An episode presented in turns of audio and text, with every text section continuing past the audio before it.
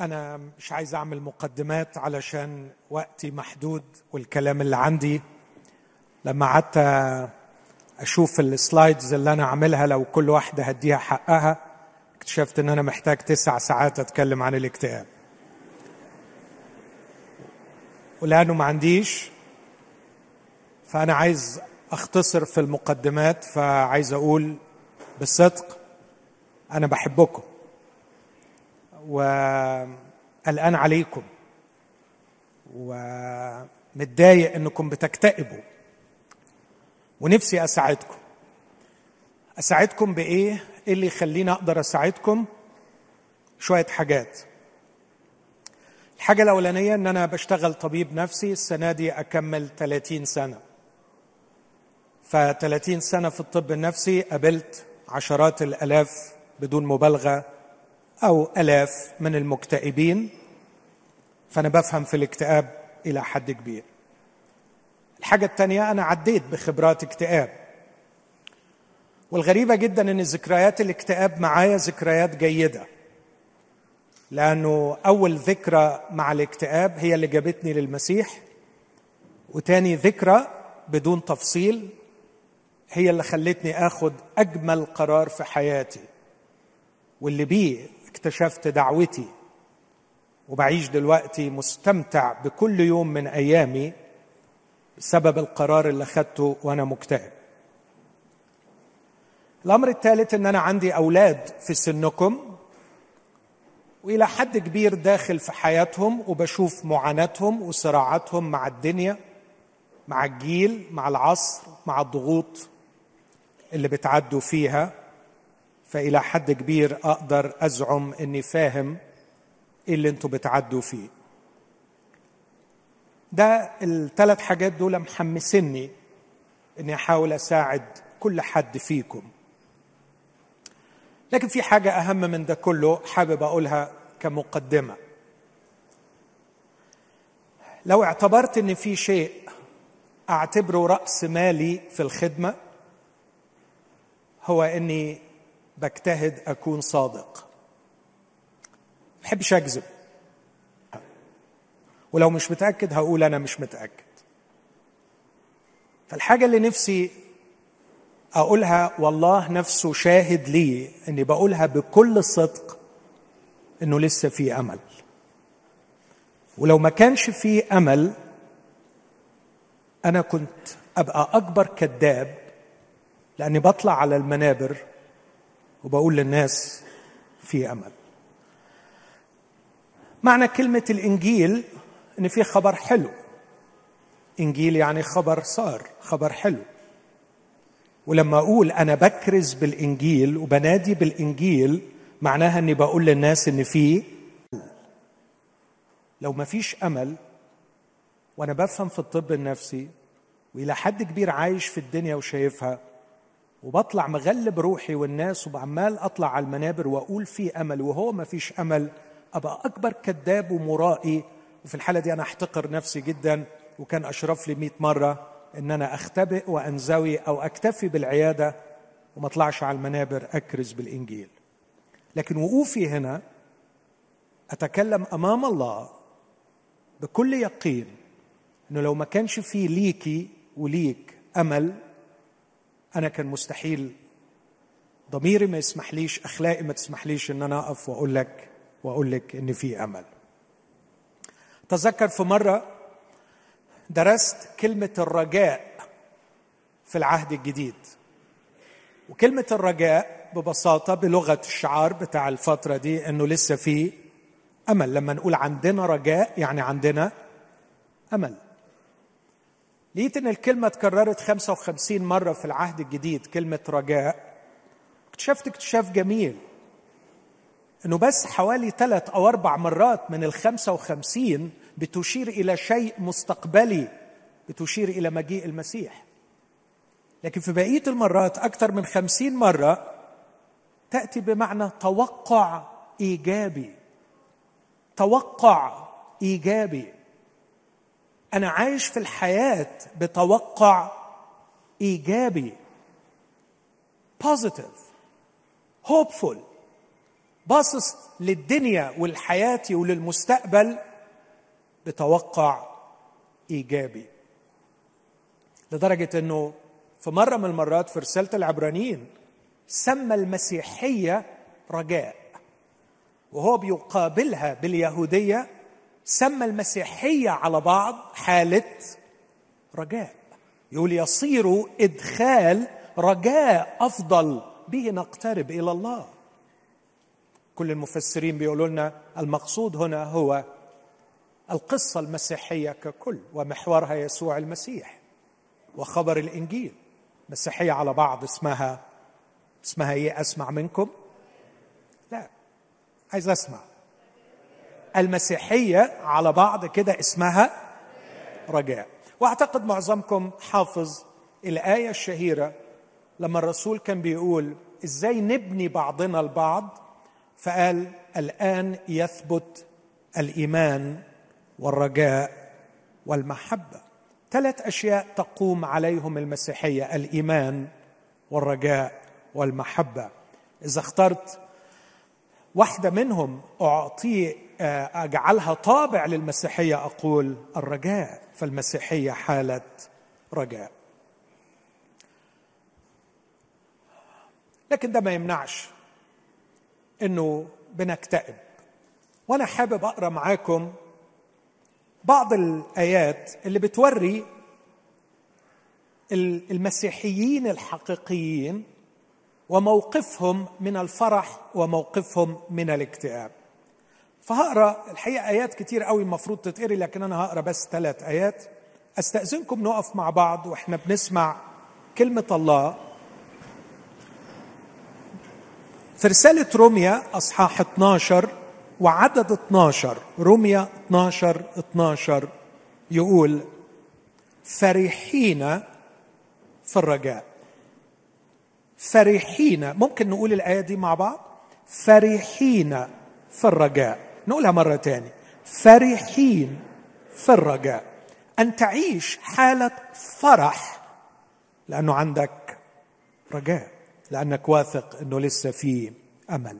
كملت الآية. فرحين في الرجاء. صابرين في الضيق. مواظبين على الصلاة. خلونا نحفظ الآية بالثلاث أجزاء. فرحين في الرجاء. صابرين في الضيق. مواظبين على الصلاة. مرة تانية علشان نروح وإحنا بنرددها.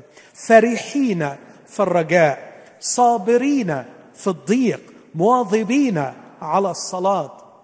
رأيته لا ييأس لكنه فرح في الرجاء. وعندما دخل في الضيق رأيته صابرا في الضيق. وفي كل الأحوال أراه مواظبا على الصلاة. هذا هو المسيح الحقيقي ما أروعه وما أجمله الآية الثانية أراها من رسالة كورنثوس الثانية. كورنثوس الثانية والأصحاح الرابع. كورنثوس الثانية أربعة. الرسول بيقول في عدد سبعة كورنثوس الثانية أربعة سبعة ولكن لنا هذا الكنز. الكنز اللي كنا بنحكي عنه ده. في أوان خزفية أي البادي بتاعنا الجسم. ليكون فضل القوة لله لا منا مكتئبين في كل شيء لكن غير متضايقين. متحيرين لكن غير يائسين. مضطهدين لكن غير متروكين. مطروحين لكن غير هالكين. عايزين نحفظ واحدة بس فيهم على الأقل. مكتئبين في كل شيء لكن غير متضايقين. أشرحها بسرعة. مكتئبين حزين. لكن عمرها ما بتضيق في وشي وتقفل وأقول ما فيش أمل. مكتئبين لكن غير متضايقين. أشعر بالحزن العميق. لكن عمرها ما ضاقت وقفلت في وشي. دايما بقول لسه في أمل لأن يسوع حي. هناك رجاء هناك أمل. الآية الأخيرة أسيب الرسول بولس اللي كتب كتير عن الفرح وقال افرحوا في الرب كل حين وأقول أيضا افرحوا لكن أروح بسرعة لبطرس الأولى والأصحاح الأول. رسول بولس بيكتب عن المؤمنين انهم بيحزنوا. بص كده في اصحاح واحد عدد ستة. بيقول الذي به تبتهجون يعني لما هيجي يسوع هتبتهجوا؟ مع انكم الآن إن كان يجب if it's needed يعني لو هناك احتياج إن كان يجب أن تحزنون. تحزنون يسيرا a season لفترة معينة. تحزنون يسيرا بتجارب متنوعة. لكي تكون هناك غرض. لكي تكون تزكية إيمانكم.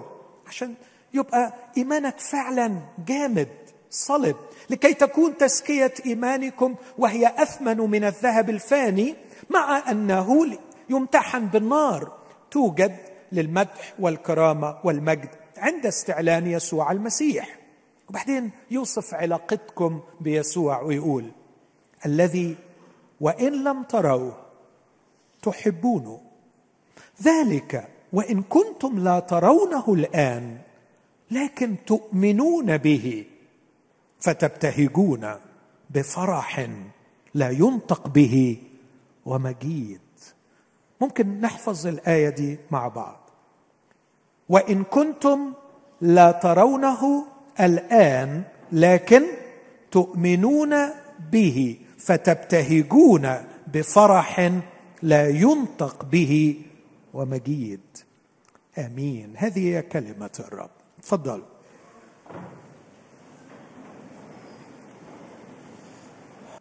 في زيادة غير عادية في معدلات انتشار الاكتئاب في الخمس سنين اللي فاتت.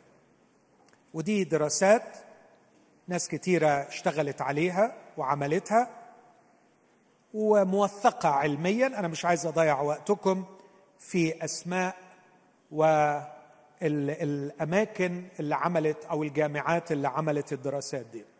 من سن خمسين لسن أربعة وستين حصلت زيادة في عدد المكتئبين من سنة 2013 ل 2016 دي واحدة من الدراسات اللي اتعملت في جامعة محترمة نسبة المكتئبين في السن ده في الشريحة العمرية دي زادت 23% ده رقم مخيف.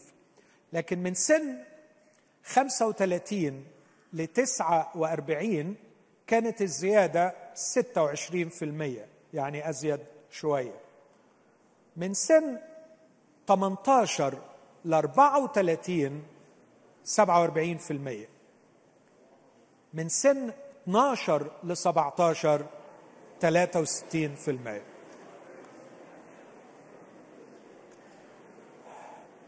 بلا شك هذه الأرقام الحقيقية هذه الدراسات العلمية استوقفت كل المهتمين بشأن الشباب كل الأطباء النفسيين كل علماء النفس.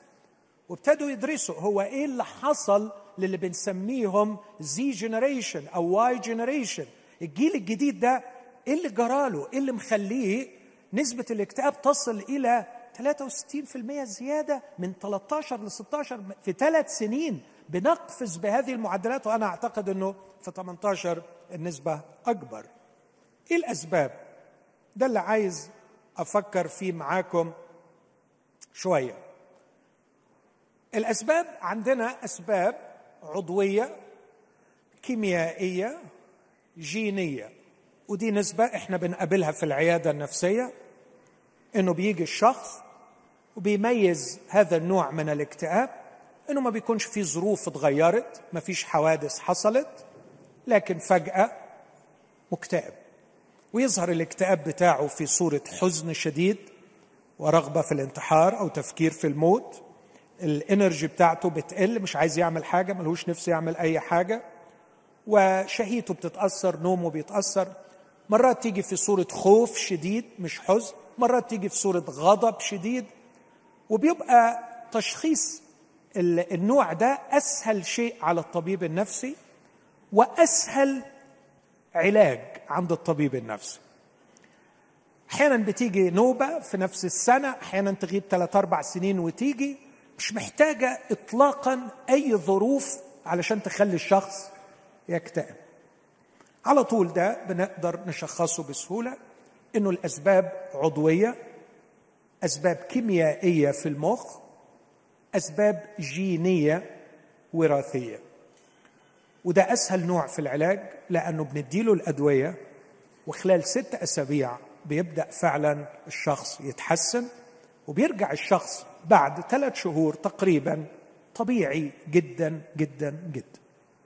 وعلشان كده نفسي أقول إذا كان الاكتئاب اللي أنت بتعاني منه أو اللي قريبك بيعاني منه من هذا النوع فهي جريمة جريمة أخلاقية وروحية وعلمية إنك لا تلجأ للطبيب وتأخذ العلاج. ده زيه زي الإنسولين اللي بيتعاطى لمريض السكر. إذا دروشت وقلت لأ المؤمن ما يكتئبش بينما الطبيب بيقول لك إنه ده نوع من الاكتئاب بسبب ارتباك كيميائي في كيمياء المخ فرفضك لهذا هو نوع من الجهل والحماقة اللي شفنا ليها نتائج مدمرة على الأشخاص وعلى الكنائس وعلى اسم المسيح لأنه بيقدمنا للعالم على إننا ناس متخلفين عندهم الحل وما بيرضوش يستعملوه. الكيمياء تتصلح بالكيمياء. كمية المخ تتلخبط محتاجة دواء. بس مين اللي يقول ومين اللي يشخص ومين اللي يصنف هذا النوع من الاكتئاب؟ أكيد الطبيب النفسي. لكن في نوع تاني أو عفوا في أسباب تانية بتؤدي إلى الاكتئاب بسميها أسباب نفسية. ولما أقول أسباب نفسية أنا بتكلم عن حاجتين بتكلم عن ظروف يتعرض لها الشخص لكن تركيبة عقلية بيتعامل بها مع الظروف. وفي الحالة دي لما يكتئب الشخص قدامك حل من اتنين يا تغير له الظروف يا تغير له تركيبة عقله.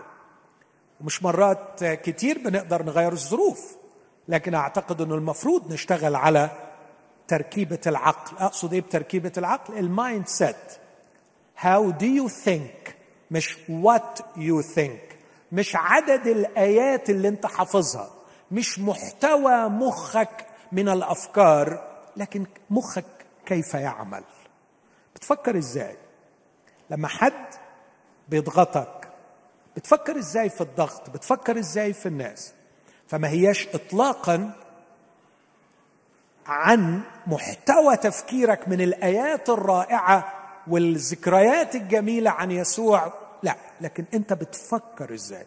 وأعتقد إنه المفروض إنه رحلة التعليم في الكنيسة وفي الاجتماع وفي الشركة مع المؤمنين إنها بتشتغل على النقطة دي تغيروا عن شكلكم بتجديد. أذهانكم يعني تجدد طريقه تفكيرك لكي تكون طريقة صحيحة فتستطيع أن تتعامل مع الظروف الضاغطة فلا تسقط في حفرة الاكتئاب. لو بعضكم حضر معايا يوم الجمعة الصبح السلسلة الطويلة اللي كنت بتكلم فيها عن الألم كنت بقول دايما أنا مش بقدم رسائل أشجع المتألمين وأعزيهم لكن أنا بحاول أغير طريقة التفكير في الألم. فلما يجي لك الألم تعرف تتعامل معاه بشكل صحيح فتحمي روحك من الاكتئاب. دي أسباب نفسية. لكن كمان في أسباب ثالثه أو مجموعة ثالثه أقول عنها أسباب روحية. والأسباب الروحية ممكن تكون مفاهيم روحية خاطئة وممكن تكون مفاهيم روحية صحيحة وممكن تكون عمل شيطاني. ممكن مفاهيم روحية خاطئة تؤدي بيك إلى الاكتئاب هشاور على بعضها. وممكن تكون مفاهيم روحية صحيحة تؤدي بيك إلى الاكتئاب زي إيه؟ يعني مثلا لما الرسول بولس يرى أن جميع الذين في آسيا ارتدوا عنه. تتوقع رد الفعل يكون إيه؟ اكتئاب. لما الرسول يشوف إنه في أسماء كبيرة بتعثر وتسقط مرة قال من يعثر وأنا لا التهب عندما يرى العمل الذي عمله يخربه المعلمين الكذبة والأشرار يقول في في حزن في وجع. عندما يرى احباؤه يرفضون المسيح كان مكتئبا اكتئابا صحيحا سويا. يقول لي حزن عظيم ووجع في قلبي لا ينقطع. فهناك يسوع نفسه حزن وقال نفسي حزينة حتى الموت. فهناك بعض المفاهيم الروحية الصحيحة عندما الشخص يأخذ الأمور بجدية ويفكر في عمل الله ويفكر في حال الناس يكتئب لكن هذا نوع من الاكتئاب السوي. لكن أخيرا أقول أن هناك عمل شيطاني. فكثير أو كثير من الحالات يكون الاكتئاب فيها بسبب عمل إبليس. يضغط إبليس على عقلك وعلى مشاعرك ويدخلك في حالة اكتئاب. وفي الحقيقة المجرم ده ما بيبقاش عايز يقف عند حدود الاكتئاب لكن بيبقى عايز يقتلك. ده اللي مرة لو تفتكروا الرسول بولس قالوا بصراحة اتكلم عن واحد من المؤمنين عمل خطية الزنا. وبعد ما زنى بولس كتب رسالة شديدة وقال الزاني لازم يتعزل من الكنيسة. ما تقعدوش معاه ما تاكلوش معاه. بس الراجل ده كان محترم. فلما أدرك بشاعة الخطية اللي هو عملها حزن. بس حزن حزن شديد قوي. لدرجة ان الرسول كتب في الرسالة الثانية قال مكنوا له المحبة لئلا يبتلع من الحزن المفرط. وبعدين يقول لئلا يطمع فينا الشيطان لأننا لا نجهل أفكاره. فالحزن المفرط عند شخص مخطئ من الممكن يكون عمل إيه؟ عمل إبليس. عايز يعمل إيه في الشخص ده؟ عايز يموته. عايز يخليه ينهار أو ممكن ينتحر. اذا هناك عمل لإبليس. خلاصة الكلام اللي أنا قلته إنه ممكن يكون في اكتئاب بسبب أمور كيميائية وراثية ممكن يكون في اكتئاب بسبب طريقة تفكير خاطئة معتقدات محورية في دماغي تخليني لا أجيد التعامل مع الضغوط ومع الظروف فاكتئب أو ممكن يكون عمل شيطاني.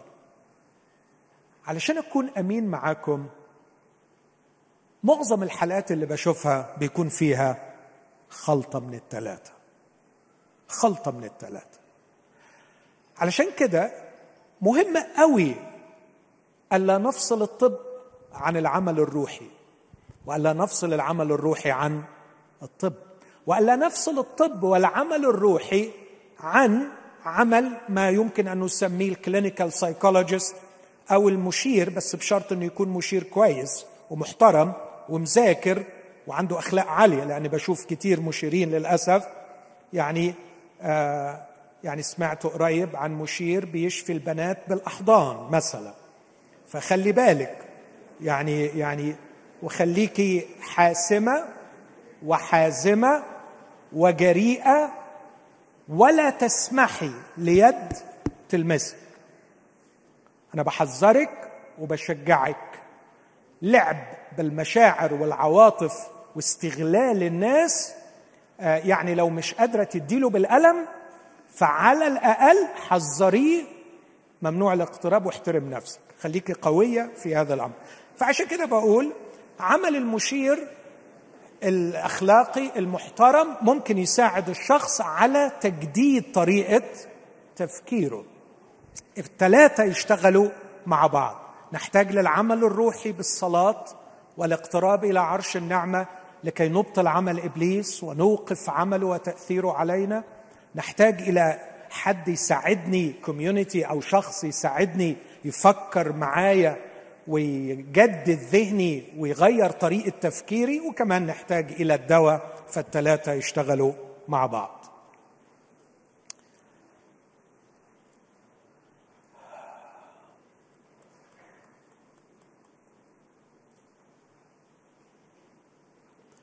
لكن أنا عايز أنتقل بسرعة لأني بكلم مؤمنين. فعايز أقول في أسباب زودت الاكتئاب الأسباب اللي قلتها دي أسباب الاكتئاب في كل عصر في كل مكان. هم الثلاثه دول ما بيطلعوش عنه. لكن إحنا بنقول إنه حصل في الكام سنة الأخيرة زيادة مرعبة. فمحتاجين نفكر مع بعض ونقول الزيادة دي حصلت بسبب إيه؟ عندي على الاقل على الأقل حاجة أستبعدها تماما وهي العضوية الجينية. لأنه مش معقول حصل اختلاف في الثلاث سنين الأخيرة ولا الخمس سنين في جينات البشر بحيث إن الجينات كلها اتضربت وتزود نسبة المكتئبين ل 63% عند الشباب الصغير. مستحيل. فعلميا غير مقبول إن يكون سبب زيادة نسبة الاكتئاب هو النواحي العضوية والجينية. طب عمل الشيطان؟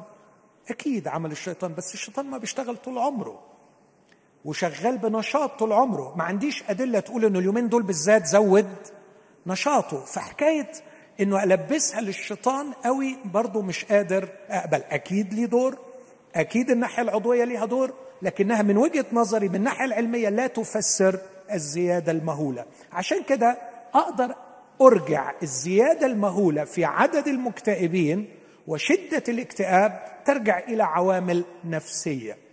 وهنا يأتي السؤال وما هي العوامل النفسية التي جدت في الفترة الأخيرة؟ الكلام اللي هقوله ده مش كلامي مش تحليلي ده كلام papers علمية منشورة في مجلات علمية محترمة. ده أول سبب وأنا بركز على الجيل الصغير اللي هو ال Z generation أو اللي هو من 12 ل 17 سنة. وأكيد طبعا ال Y generation اللي هم لغاية سن 33 سنة برضو هذه الأسباب تؤثر عليهم. ده اللي بيقولوه زيادة العزلة مع زيادة استعمال ال social media والتنافس. ده واحد من أكبر الأسباب. بعض الدراسات بتقول إنه في شباب في السن ده بيقعد على ال social media من خمس إلى سبع ساعات في اليوم. وهذا الانغماس في ال social media خادع جدا لأنه بيدي لك شعور إنك connected لعدد كبير جدا بينما في الحقيقة أنت معزول جدا. وهذه العزلة تقود للاكتئاب. إزاي بتكون معزول؟ لأنه ربنا خلقك تخرج من وحدتك من خلال الوشوش. من خلال السلام من خلال الكيمياء اللي بتحصل في الجسم لما بنلتقي وجها لوجه لما بنقعد مع بعض لما بنضحك مع بعض لما أحيانا الشباب نضرب بعض ونهزر مع بعض. هناك نوع من الحميمية لا يمكن اطلاقا تعوضه ال social media. فكانت النتيجة إن ال social media بتدي لك ال false sense إنك connected للعالم كله بينما الحقيقة هي تعمق عزلتك بشدة. لكن كمان نحن designed من ربنا أن نخرج من وحدتنا وتعالج نفسياتنا ونختبر شيئا من البهجة من خلال التعبير عن الكلام فيربال نتكلم وأسمع وأسمع نبرة صوتك وميز الارتفاعات والانخفاضات في صوتك. هذا يستلزم لقاء حي وجها لوجه.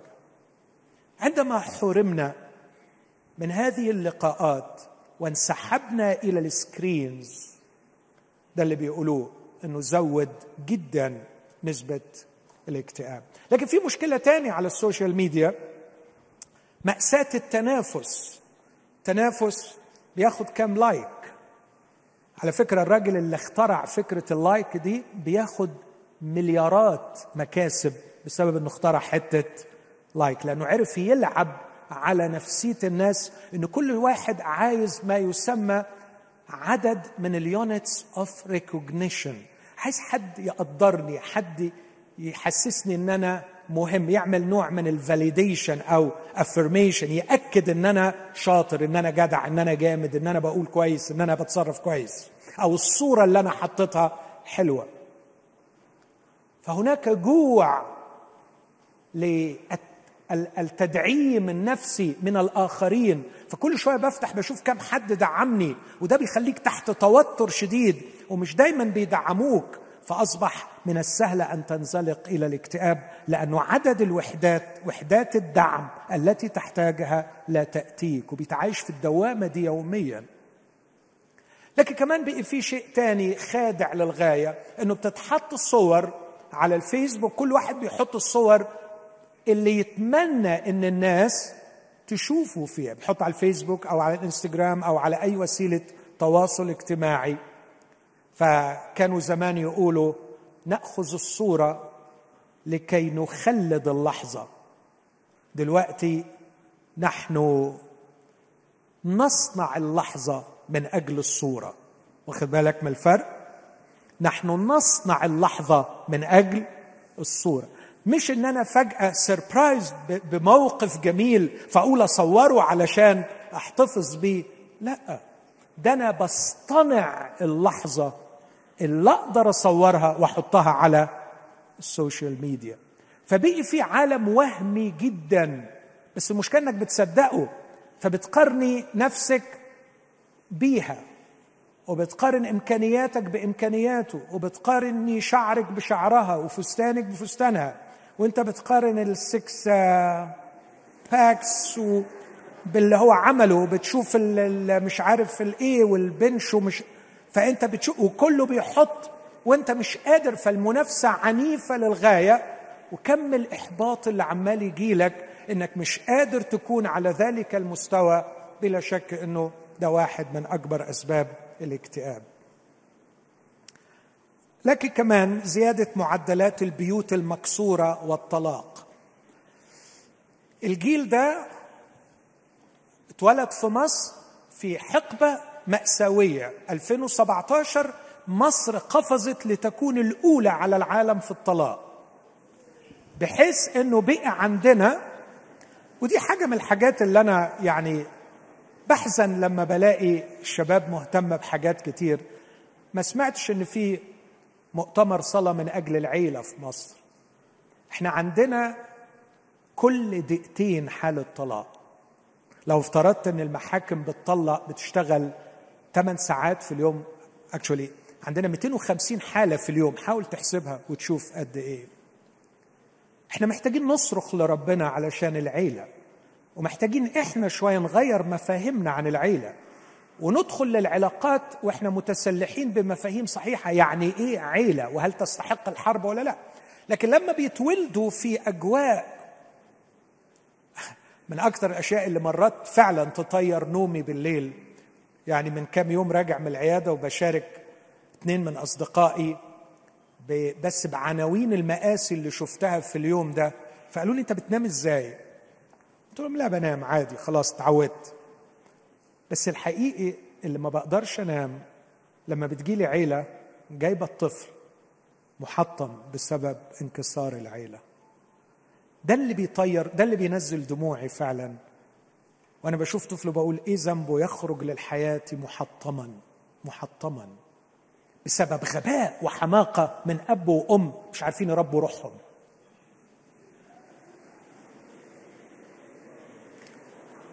زيادة معدلات البيوت المكسورة والطلاق.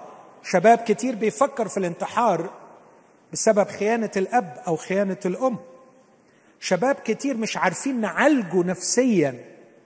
لأن أهله ما كانوش بيحترموا يعني إيه عيلة. آه الغذاء غير الصحي ما أعرفش دي هتوافق عليها ولا لأ لكن دي دراسات علمية إن معظمكم النهارده ما بياكلش أكل صحي. كلكم بترمرموا. والشطارة إنك آه يعني تبقى أنت الواد اللي فاهم فين الرمرمة يعني. يعني والأسماء بقى الغريبة والعجيبة وقاعدين طول الوقت ما فيش طبعا ما تتوقعش إنه جسمك هيكون سوي وسليم ودماغك موزونة والكيمياء بتاعت دماغك صح وأنت ما بتاكلش أكل صحي.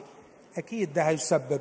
لكن آخر سبب وده أنا قريت فيه كتير الحقيقة ونفسي إنكم تفكروا فيه هو قلة النوم. قلة النوم بقيت حقيقة دلوقتي. لأنه حضرتك بعد ما بتدخل تحت اللحاف خصوصا في البرد أنت ما بتنامش لكن أنت شغال.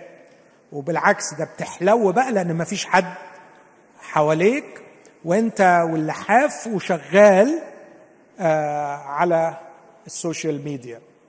آه أقول لكم بس معلومة واحدة. ربنا حاطط في الجسم هرمونين two hormones مهمين قوي. في هرمون اسمه الميلاتونين. ده بيبدأ يتفرز قبل النوم بساعتين علشان يخلي الإنسان ينام نوم عميق. بس بشرط إنه يكون في ميعاد ثابت ويكون بدري شوية قبل نص الليل.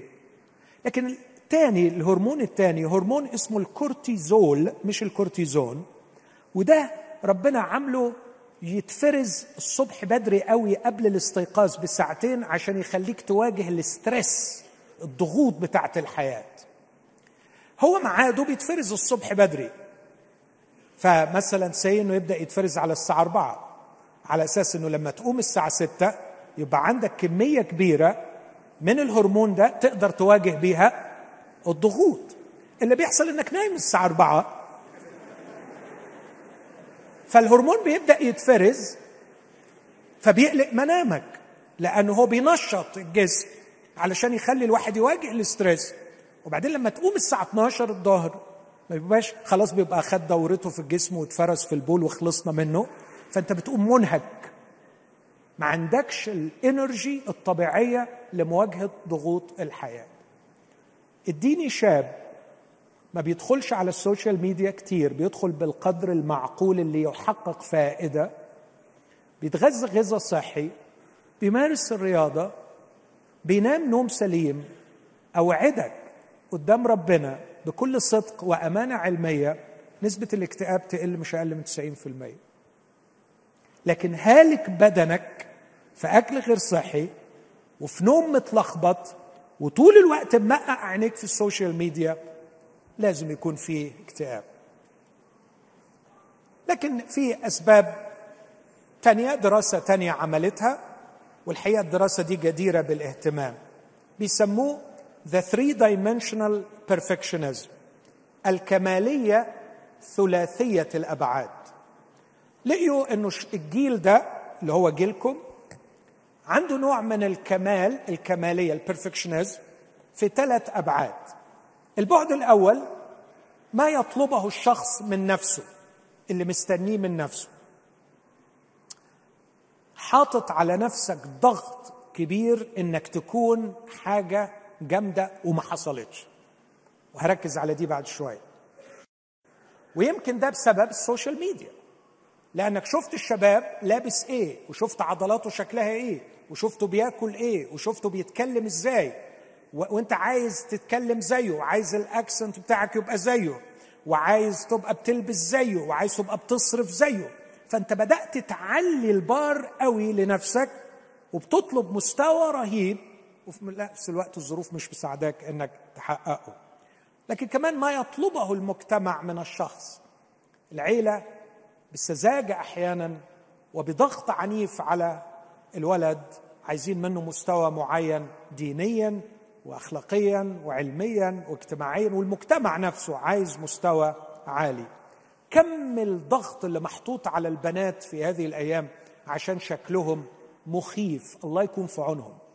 فعلا المجتمع خلاص بقي ما بيرحمش بينظر للبنت نظرة دونية لو ما كانتش بالمواصفات اللي هو عايز. وده حمل رهيب على البنت إنها عايزة تخلي شكلها مطابق لمتطلبات المجتمع وده بيجيب لها اكتئاب لأنه ما هوش أمر سهل. لكن كمان ما يطلبه الشخص من المجتمع سواء كان المجتمع ده هو العيلة أو الكنيسة أو المجتمع بصفة عامة. فثلاث أبعاد للكمال ما يطلبه من نفسه ما يطلبه المجتمع منه وما يطلبه هو من المجتمع. علينا البار في كل حاجة وبالتالي مش قادرين نوصل وده بيخلينا محبطين وبنكتئب. كل دي دراسات علمية وأنا أعتقد إن إحنا بشر وبنعاني من ما يعاني منه المجتمع. وأنا أجزم أجزم أجزم يعني بأكد وبقول إن لو قعدت مع أي حد مكتئب فيكم هلاقي الأسباب دي حاضرة وموجودة بقوة ومحتاجين إن إحنا نتعامل معها. طبعا المفروض إنه أقول تعمل إيه في الحاجات دي لكن ضمنا نتفهم أقصد إيه يعني وإيه اللي أنا عايزه يعني آه، اتعامل صح مع ال social media اتعامل صح مع جسمك احترم جسمك الكتاب بيوصينا وصايا واضحة أن نحترم الجسد أن نقتنيه بكرامة أن نقدر أجسادنا أنها عطية من الله ونتعامل معها بشكل سليم. تتعامل صح مع نومك كمان تتعامل بشكل الله يخليك محترم مع ال social media. ما تبقاش صغير وسطحي لهذه الدرجة بحيث تتحكم فيك وتعيشك في الوهم وتحط على روحك أحمال وتنتظر من المجتمع أشياء أو تخضع للي المجتمع عايزه منك. لكن تحرر علشان تقدر تتحرر من الاكتئاب. كل ده الكلام اللي أنا قلته أقدر أقدمه في أي جامعة في أي مكان مش مسيحي. لكن اللي جاي ده بقى لينا إحنا في الكنيسة. الفكرة اللي هطرحها دلوقتي هو بقول هل من الممكن إن الجيل الموجود ده يتعرض لأسباب أخرى تزود اكتئابه أو تجيب له اكتئاب من داخل الكنيسة؟ وإجابتي أيوه للأسف. يعني بالإضافة للي بيعاني منه في المجتمع وبدل ما الكنيسة تكون بتساعده إنه يعبر اكتئابه أو تحميه من الاكتئاب من الممكن إن الكنيسة تسهم في هذا الاكتئاب. إزاي ممكن الكنيسة تعمل كده؟ إنها بدون ما تقصد توصل لنا رسالة خاطئة. Directly or indirectly. يا إما بصورة مباشرة نتيجة جهل أو بصورة غير مباشرة نتيجة عدم وعي.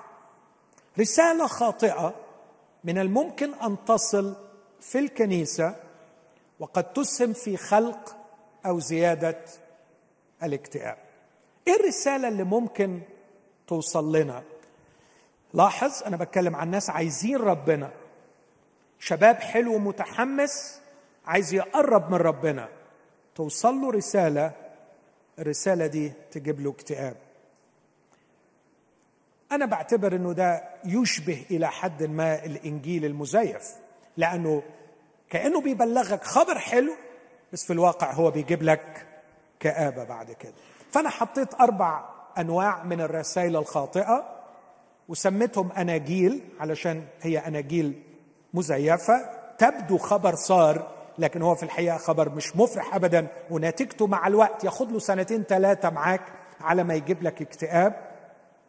وسميتهم بعض الأسماء اللي أتمنى إنها تفضل يعني أو عملتها علشان تفضل علقة في أذهانكم.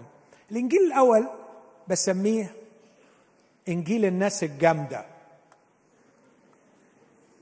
وده حاليا فعلا في دراسات بتقول إنه ده ال new vibe يعني ال mood اللي منتشر دلوقتي.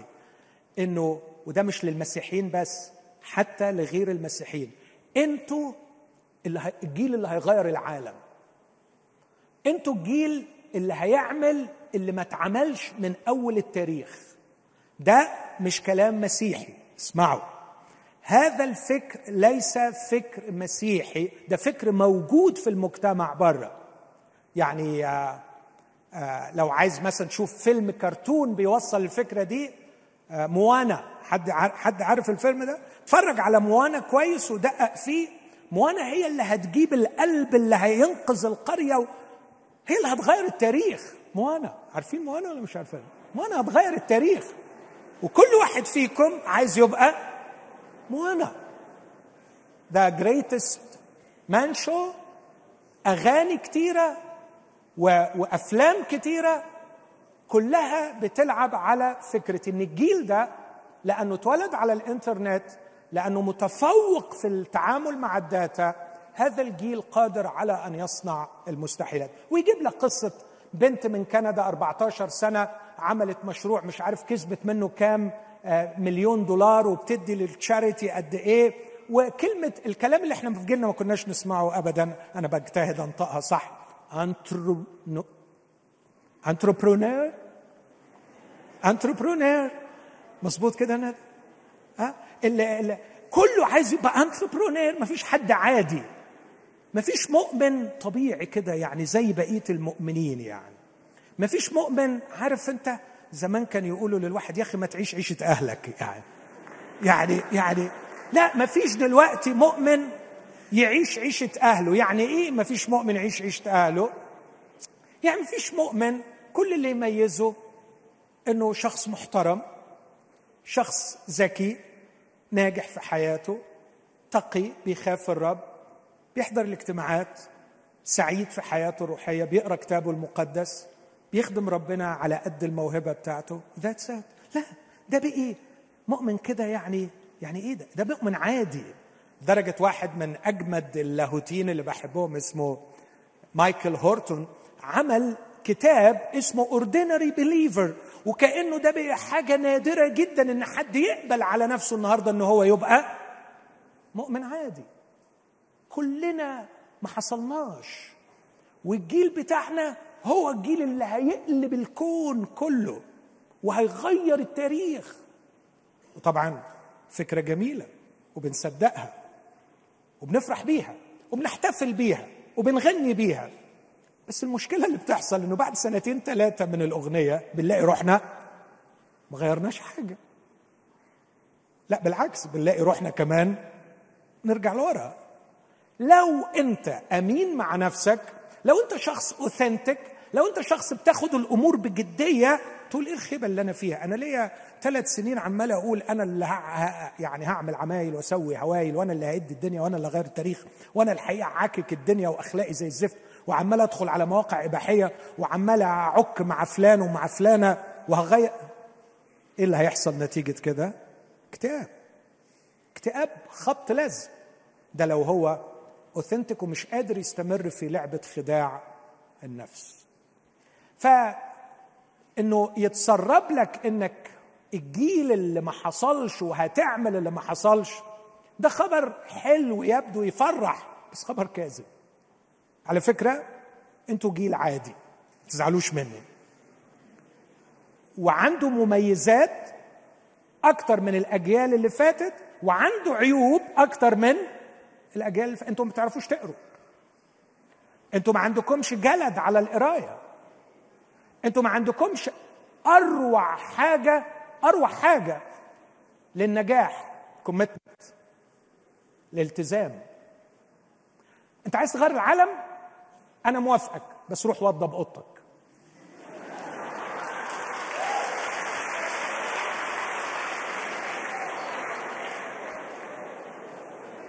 وأوعدك لما هتوضب أوضتك قد يبدأ الأمل في أنك تغير العالم. بس بعد ما توضب الأوضة. عايز تغير العالم؟ ما عنديش مانع. بس تعلم تنظم نومك. يلي هتنظم العالم. نظم نومك. نظم أكلك. هتضبط الإيقاع في الدنيا. طب اضبط شهوتك. اعمل شوية شغل صغير. كوميتمنت كونسيستنسي أكتر حاجتين ناقصين من الجيل ده إنه يقدر يلتزم إنه يقدر يستمر. ودول أساس أي نجاح في حياة شخصية في حياة نفسية في حياة علمية في حياة روحية في أي حاجة يا أخي.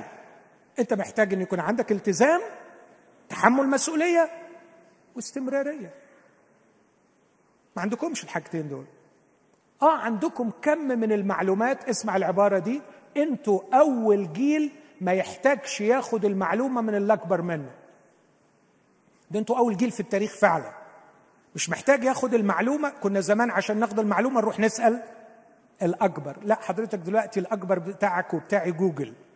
ف even you don't ask God you ask جوجل انت مش محتاج تسأل ربنا انت بتسأل جوجل. فانت بتحصل على المعلومة. بس ما عندكش خبرة. ما عندكش شخصية. ما كبرتش وما نمتش خبرتك في الحياة وما كبرتش وما نمتش character بحيث إن لما تجيلك المعلومة من جوجل تعرف تستعملها. ما تعرفش تستعملها. أنت ما دخلتش في علاقات واحتكاكات وصمت وصبرت واتأذيت وتعلمت وغفرت وسمحت وعاتبت وأقنعت.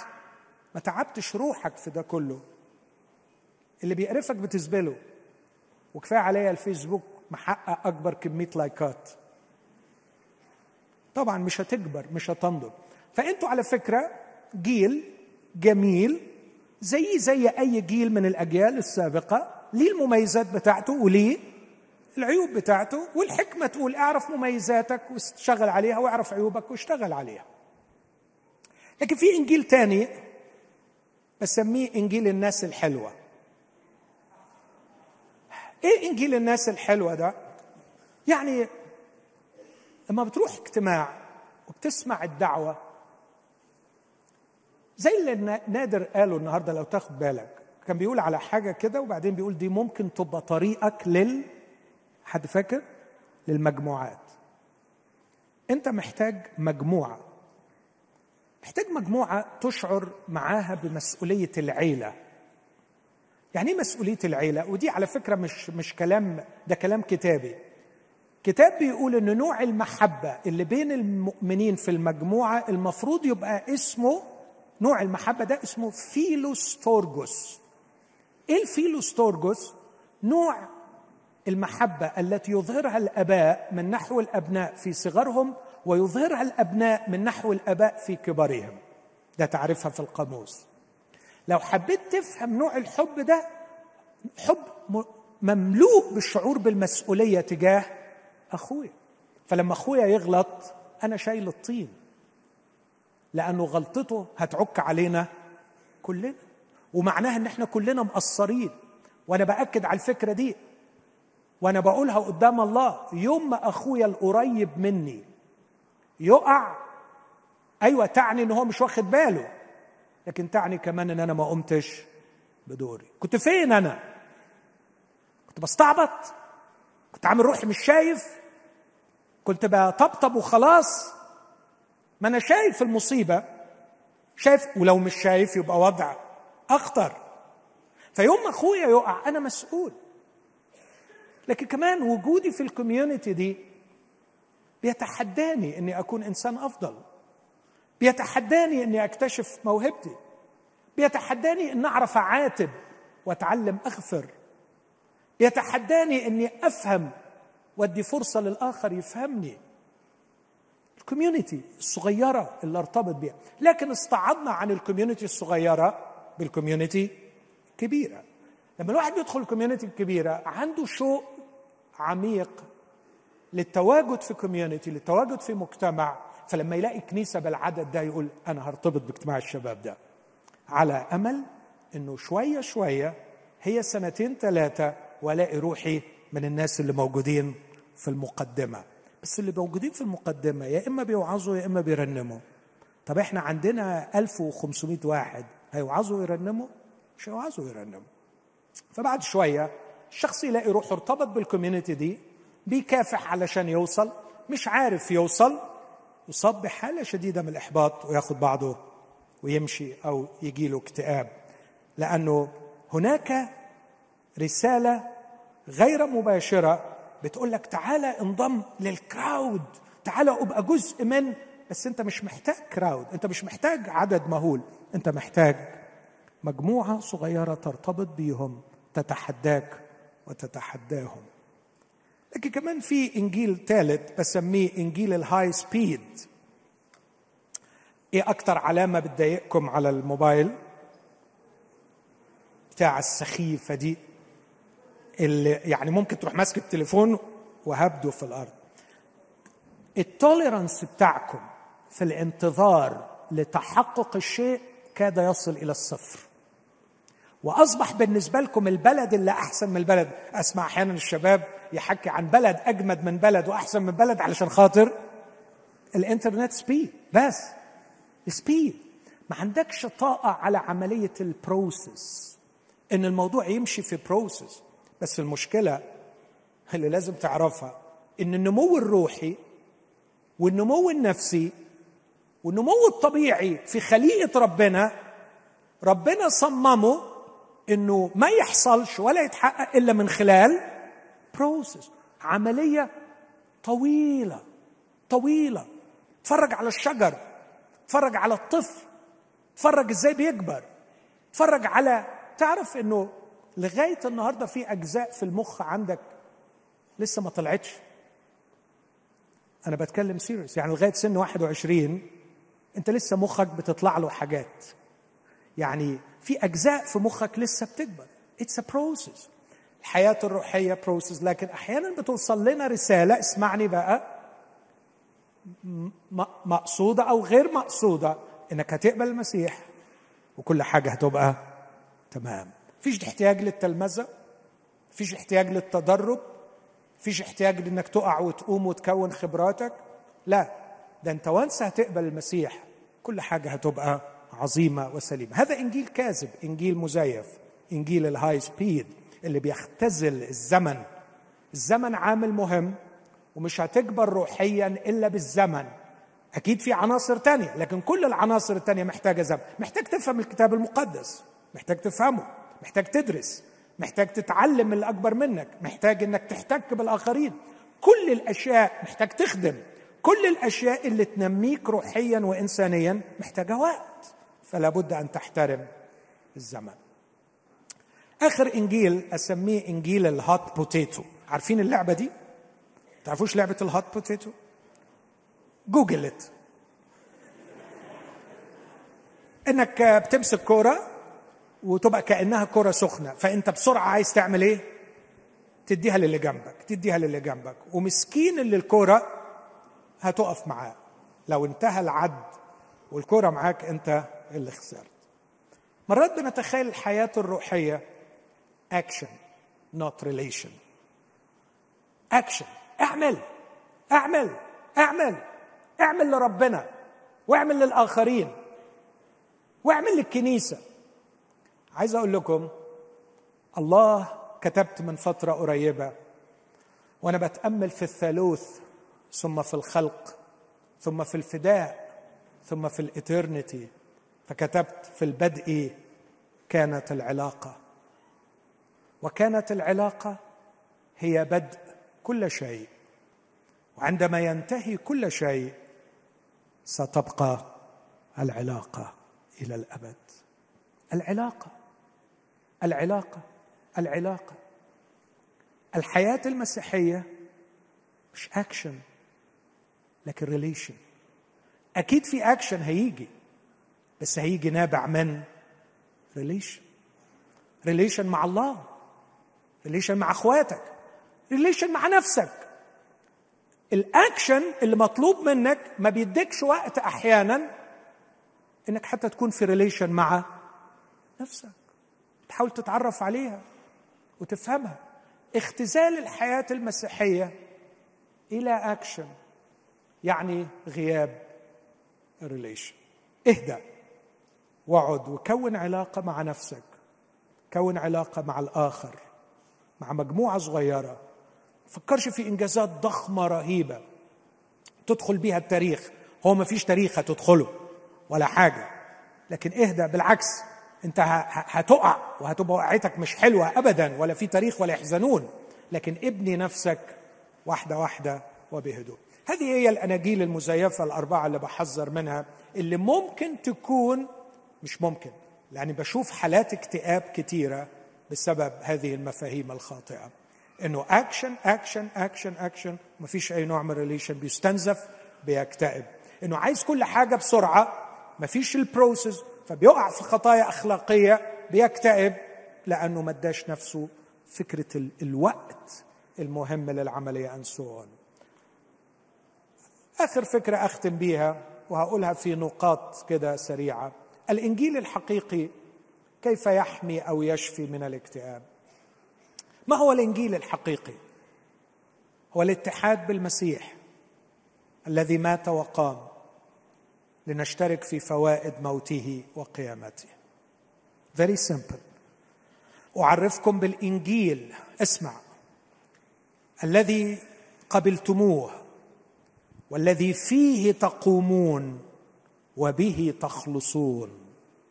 أن المسيح مات من أجل خطايانا حسب الكتب وأنه دفن وأنه قام في اليوم الثالث حسب الكتب. التعريف ده يا شباب من وجهة نظري ثوري في حياتك لو قبلته واقتنعت بيه. ركز معايا أنا خلاص خلصت بس الكلام اللي جاي ده خمس دقايق أهم خمس دقايق. أنا الليلة بغض النظر إذا كنت مؤمن ولا غير مؤمن قبلت المسيح ولا ما قبلتش أنا مش عارف وبصراحة شاكك خليني أدعوك من جديد. لو قبلت المسيح صحح فكرك على الكلام اللي هقوله. لو ما قبلتش أنا بقدم لك الدعوة إنك تقبل. أنا بقدم لك الليلة رجاء مش في تعليم ما حصلش. مش في ممارسة جديدة سرية ما نزلتش السوق قبل كده. مش بقدم لك رجاء وبقول لك لسه في أمل لأنه عندي مؤتمر هيحصل ما حصلش قبل كده. هتدخل المؤتمر وهتطلع حد تاني. no no no no no أنا بقول لك لسه في أمل. بشرط إنك تصحح مفهومك عن الخلاص. ما هو الخلاص؟ الخلاص by-product منتج ثانوي يأتي حتميا نتيجة اتحادك بشخص يسوع المسيح. أنا لا أكرز بالخلاص لكني أكرز بالمخلص. أنا في المسيحية لا أقدم لك باكج اسمه خلاص خد خلاص عشان تروح السماء. لكن أنا بنادي لك بواحد اسمه يسوع بيدعوك.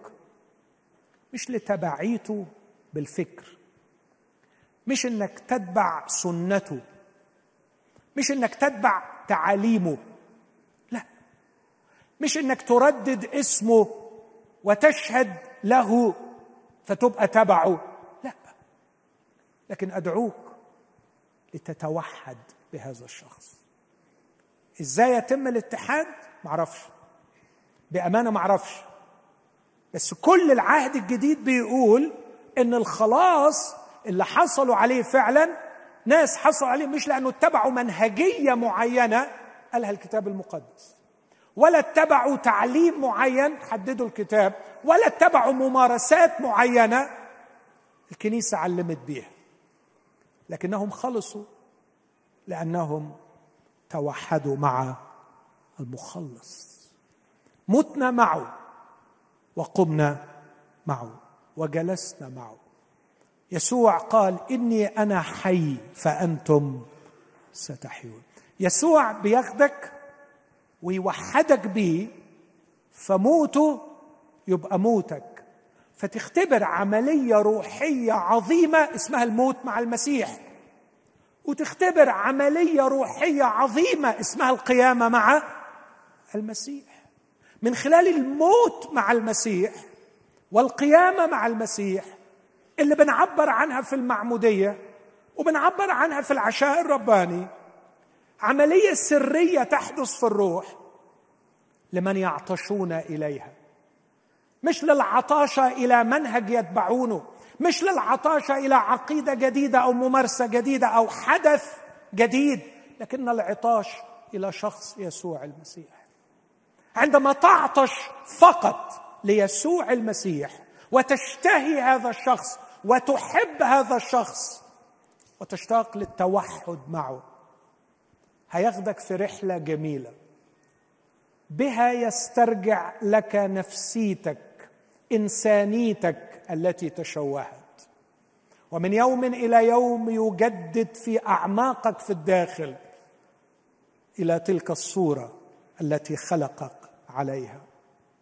لكن أيضا يقودك من يدك إلى الغرض الذي خلقك من أجله والذي لا يعرفه أحد في الكون إلا هو الوحيد اللي عارف صورتك النهائية شكلها ينبغي يكون إزاي.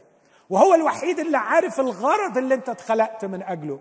ولما ياخدك من إيدك في رحلة شفاء متحدا معه في موته وقيامته صالحك مع الله دخلك إلى النعمة ومقيم فيها مجانا. ويبدأ بالروح القدس يدفق حياته فيك. بيغيرك.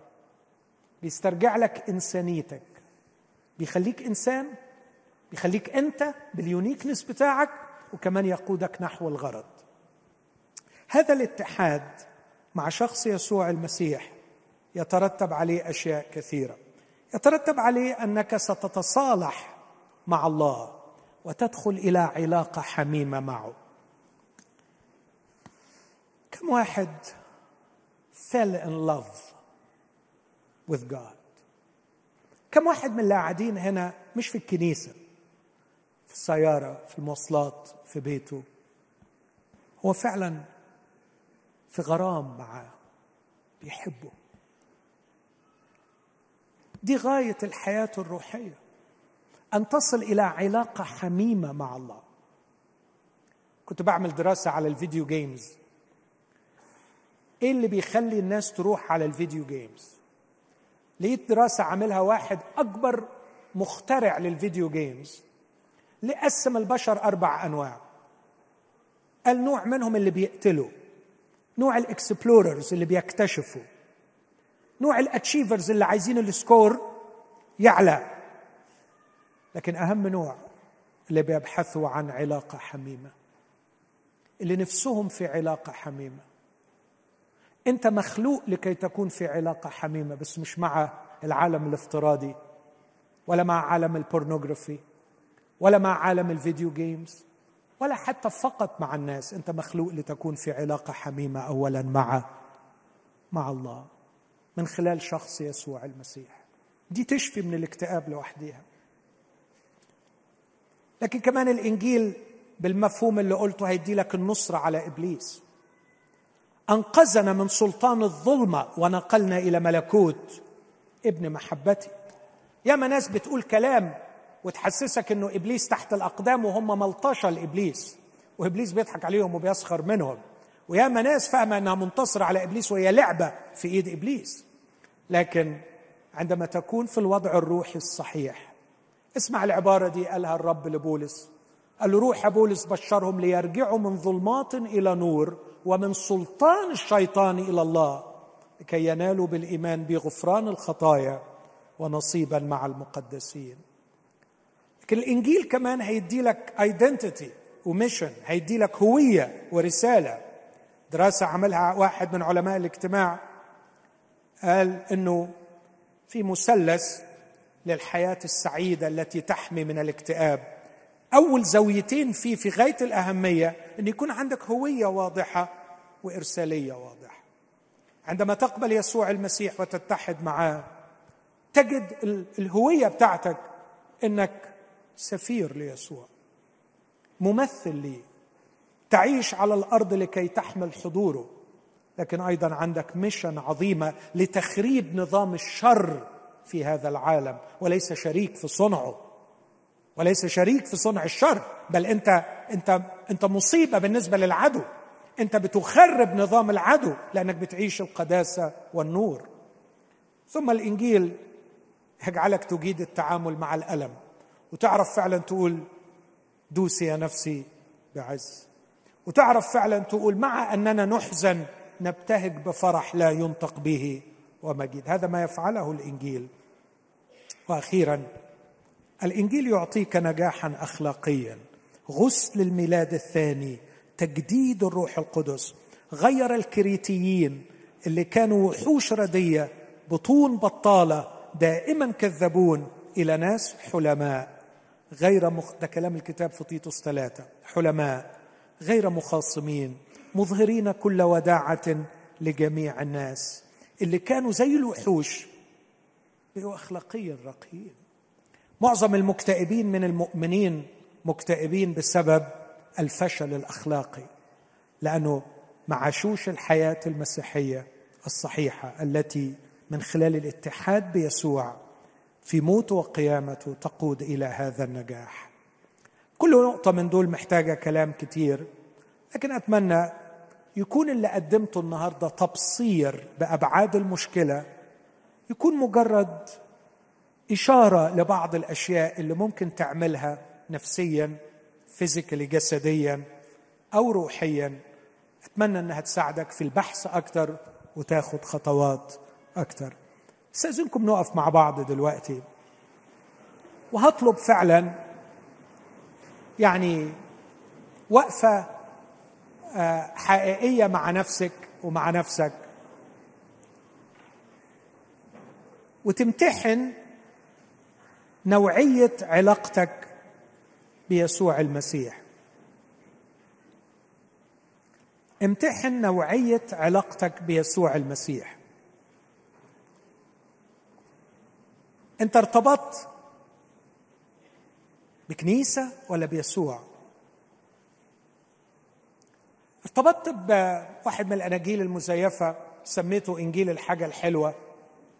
إنك أنت بتيجي تقعد تسمع كده حاجات تعالى يسوع وهتحصل حاجات عظيمة. إيه الحاجات العظيمة؟ كل واحد بيفسرها زي ما هو نفسه الوشفول ثينكينج زي ما هو عايز. فالحاجة العظيمة اللي هتحصل مش ان اتغير إلى تلك الصورة عينها لكن أتجوز البنت اللي بحبها مثلا. إيه الحاجة الحلوة؟ اللي في ذهنك. عندما قدم إنجيل غير واضح جعل الناس يتخيلون أشياء كثيرة.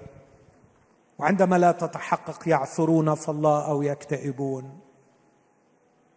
الليلة أنا بدعوك وبدعوك إنك تراجع فعلا نوعية ارتباطك بيسوع المسيح. وأتمنى إنك تكون شايفه مصدق إنه حي. يسوع مات وقام. بيدعوك أن تموت معه وأن تقوم معه. غمض عينيك غمضي عينيك. واطلب من روح الله أن يأخذك في سياحة إلى الصليب. صليب المسيح. حقيقة واقعية في العالم الروحي. هي التي غيرت العالم الروحي. ما قبل الصليب وما بعد الصليب. الصليب مملوء بالأسرار. قل له اكذبني إلى صليبك. واجعلني أرى نفسي معك هناك في الجلجسه مصلوبا معك. خارجا من هذا العالم الموضوع في الشرير. غمض عينك وركز في الصليب لمدة دقيقة.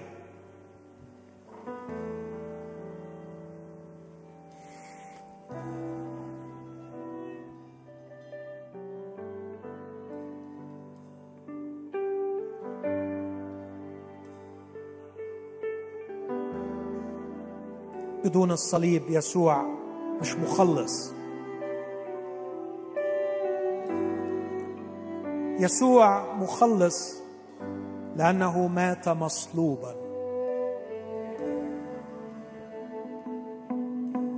يسوع مش مخلص علشان بيعمل معجزات. يسوع مش مخلص علشان ولد من عذراء. يسوع مش مخلص علشان علم اسمى تعاليم يسوع مخلصي ومخلصك لأنه مات على الصليب. أتحد بك أيها المصلوب أحبك.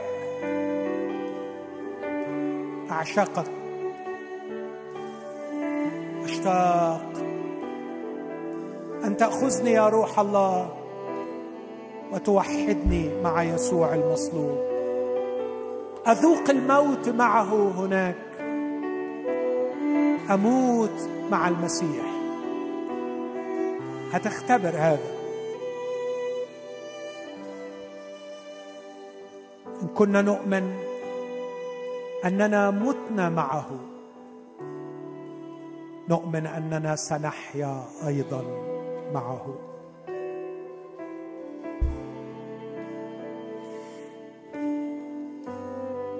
وأتحد معك بشبه موتك حتى أصير أيضا بقيامتك.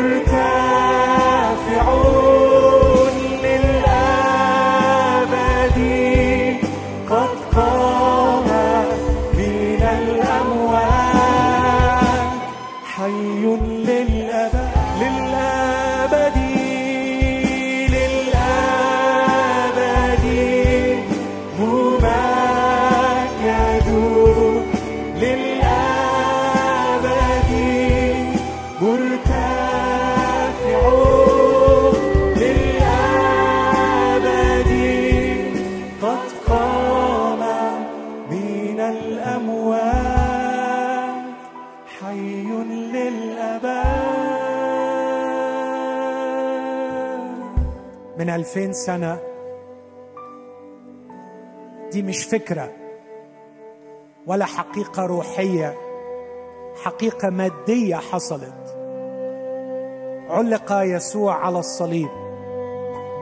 والله وضع عليه إثم جميعنا. كلنا كغنم ضللنا. ملنا كل واحد إلى طريقه. أنا وأنت. والرب وضع عليه إثم جميعنا. كان هناك مجروح من أجل معاصينا ومسحوق لأجل أثامنا. أنا بدعوك بدعوك تقبل يسوع الليلة. اقبله لتتوحد معه في موته. وتشوف نفسك على الصليب. ودمه الكريم يغسل اثامك وصرخته هناك تنهي ماضيك عندما قطع يسوع تقطع من آدم القديم. وعندما قام يسوع تخلق إنسان جديد.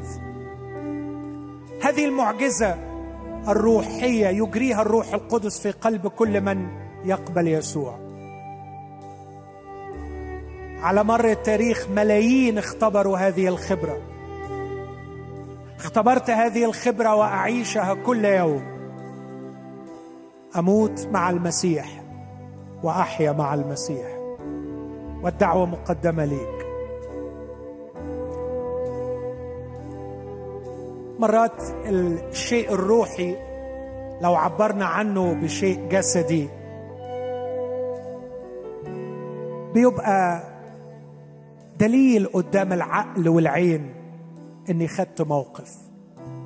خلينا كلنا نغمض عينينا. وأنا بطلب من كل واحد اشتاق إنه يتوحد مع المسيح. يرفع إيده وكأنه يدعوه. يدعو الآب أن يعمل المعجزة بعمل الروح. أدخل في هذه الوحدة الروحية معك. في موتك.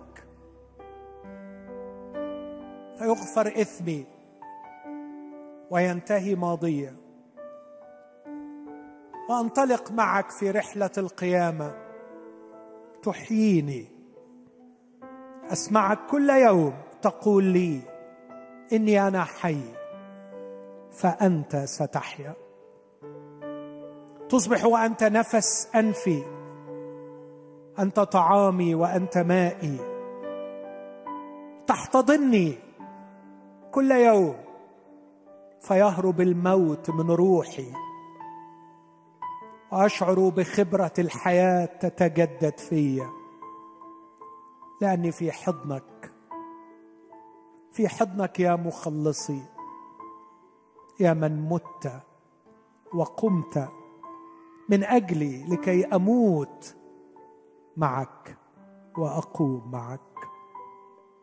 أبي أرجو أن تنظر إلى هذه القلوب المشتاقة إلى يسوع. أرجو أن تنظر إلى قلوب سحقها الاكتئاب وغياب الرجاء. اسمعهم يا روح الله قولك لسه في أمل لسه في رجاء في يسوع. يسوع الذي مات وقام. معطي الحياة غافر الخطايا. أيها الرب يسوع مجد اسمك بأن تعطي كثيرين في هذا المساء مغفرة الخطايا. وتحريرا من سلطان الشيطان لينالوا بالإيمان بك غفران الخطايا ونصيبا مع المقدسين. أبي اجعلهم يضعون أيديهم على ميراثهم. اجعلهم يستشعرون السلطان أنهم صاروا أولاد الله. فيهرب الحزن تهرب الكآبة يتجدد الرجاء في اسم المسيح. آمين. يثنك موت أو ألم. كنت مشغولا بأنيني لم يرهبك هول العار. مجروح حتى تشفيني. يثنك موت أو ألم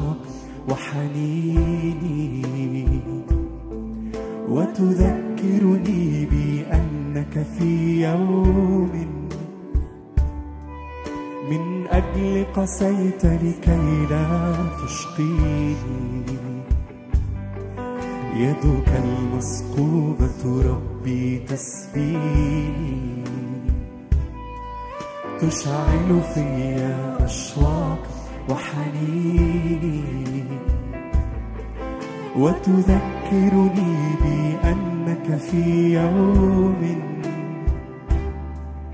من أجل قسيت لكي لا تشقيني. لم يردك أن أبقى حزينا. أحببتني ربي قبل التكوين. أتبعك ربي ومسيحي. أنت معتقدي كنت مشغولا بأنيني.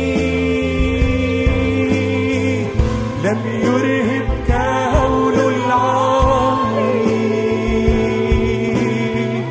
مجروح حتى تشفيني